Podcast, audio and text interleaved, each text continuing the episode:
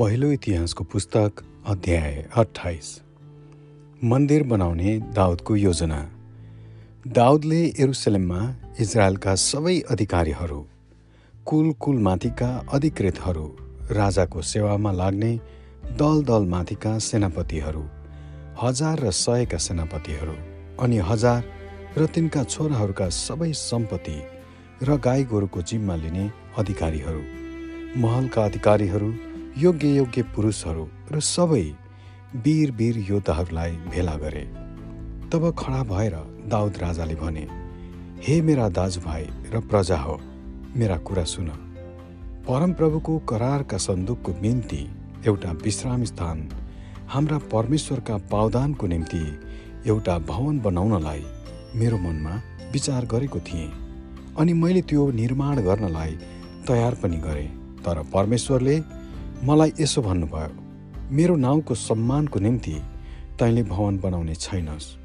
किनभने त लडाइँ गर्ने मानिस होस् र तैँले रक्तपात गरेको छस् तापनि परमप्रभु इजरायलका परमेश्वरले मेरा पिताका सबै परिवारबाट सदा सर्वदाको निम्ति इजरायलमाथि राज्य गर्न मलाई चुन्नुभयो। उहाँले नेतृत्व गर्न यहुदालाई चुन्नुभयो। र यहुदाका घरानाबाट मेरा पिताको परिवारलाई चुन्नुभयो। मेरा पिताका छोराहरूमध्ये उहाँले सारा इजरायलमाथि मलाई नै राजा तुल्याउन उहाँलाई असल लाग्यो। मेरा सबै छोराहरूमध्ये किनभने परमप्रभुले मलाई धेरै छोराहरू दिनुभएको छ। इजरायलमाथि परमप्रभुका राज्यको सिंहासनमा बस्न उहाँले सोलोमनलाई चुन्नुभएको छ। उहाँले मलाई यसो भन्नुभयो तेरो छोरो सोलोमनले नै मेरो भवन र मेरा चोकहरू बनाउनेछ किनकि मैले त्यसलाई मेरो छोरा हुन चुनेको छु र म त्यसका पिता हुनेछु। यदि अहिले पालन गरे झैँ त्यसले मेरा आज्ञा र विधानहरू दृढतापूर्वक पालन गरे भने म त्यसको राज्य सदा सर्वदाको निम्ति स्थिर राख्नेछु। यसकारण तिमीहरू त्यस सुन्दर देशका अधिकारी हुन सक र त्यो तिमीहरूको पैतृक सम्पत्ति झैँ तिमीहरू पछि तिमीहरूका सन्तान दर सन्तानलाई दिन सक भनेर सारा इजरायल र परमप्रभुका समुदायको सामुन्ने र हाम्रा परमेश्वरले सुन्ने गरी होसियारसँग परमप्रभु तिमीहरूका परमेश्वरका आज्ञाहरू पालन गर्न भनी म तिमीहरू सबैलाई हुकुम गर्दछु। अनि तिमी सोलमन मेरा छोरा चाहिँ तिम्रा पिताका परमेश्वरलाई आफ्नै ईश्वर मान र सारा हृदय र राजी खुसीको मनले उहाँको सेवा गर। किनभने परमप्रभुले हरेक हृदय जाँच्नुहुन्छ र मानिसको हरेक विचारलाई थाहा पाउनुहुन्छ।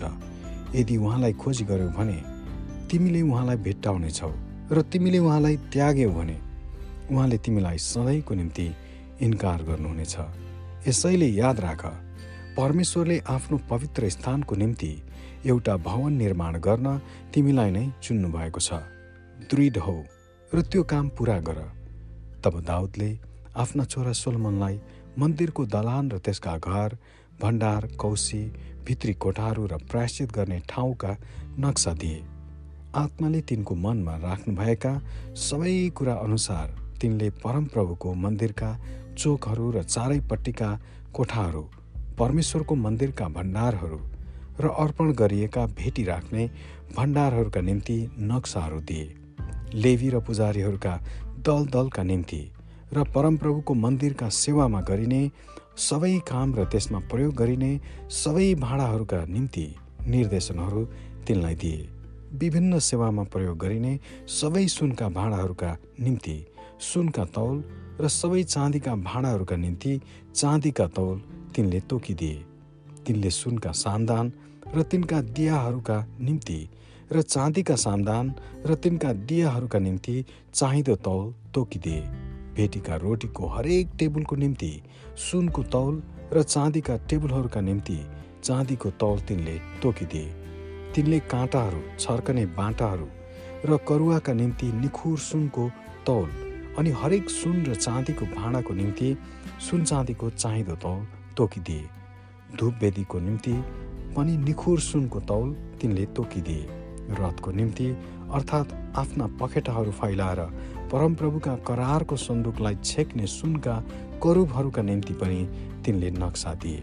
दाउदले भने यी सबै परमप्रभुकै हातले बनाएको नक्सा हो र यसका सम्पूर्ण ससाना कामहरू उहाँले मलाई बुझाउनु भएको छ। दाउदले आफ्ना छोरा सोनमनलाई यसो पनि भने बलिएर आँटिला हो र यो काम गर न डराउ र निरुत्साहित नहो किनकि परमप्रभु परमेश्वर मेरा परमेश्वर तिम्रो साथमा हुनुहुनेछ। परमप्रभुको मन्दिरका सेवाको निम्ति सबै चाहिँदो काम तिमीले पुरा नगरुन्जेल उहाँले न त तिमीलाई निराश तुल्याउनुहुनेछ न तिमीलाई त्याग्नुहुनेछ। परमप्रभुको मन्दिरका सबै सेवा गर्न पूजाहारी र लेवीका दल दलहरू तयार छन्। तिम्रो सबै काममा खुसीसित कुनै पनि काम गर्न हरेक कारिगरको सहायता तिमीलाई मिल्नेछ। अनि अधिकारीहरू र सबै मानिसहरू तिम्रो हरेक हुकुममा चल्नेछन्। आमेन।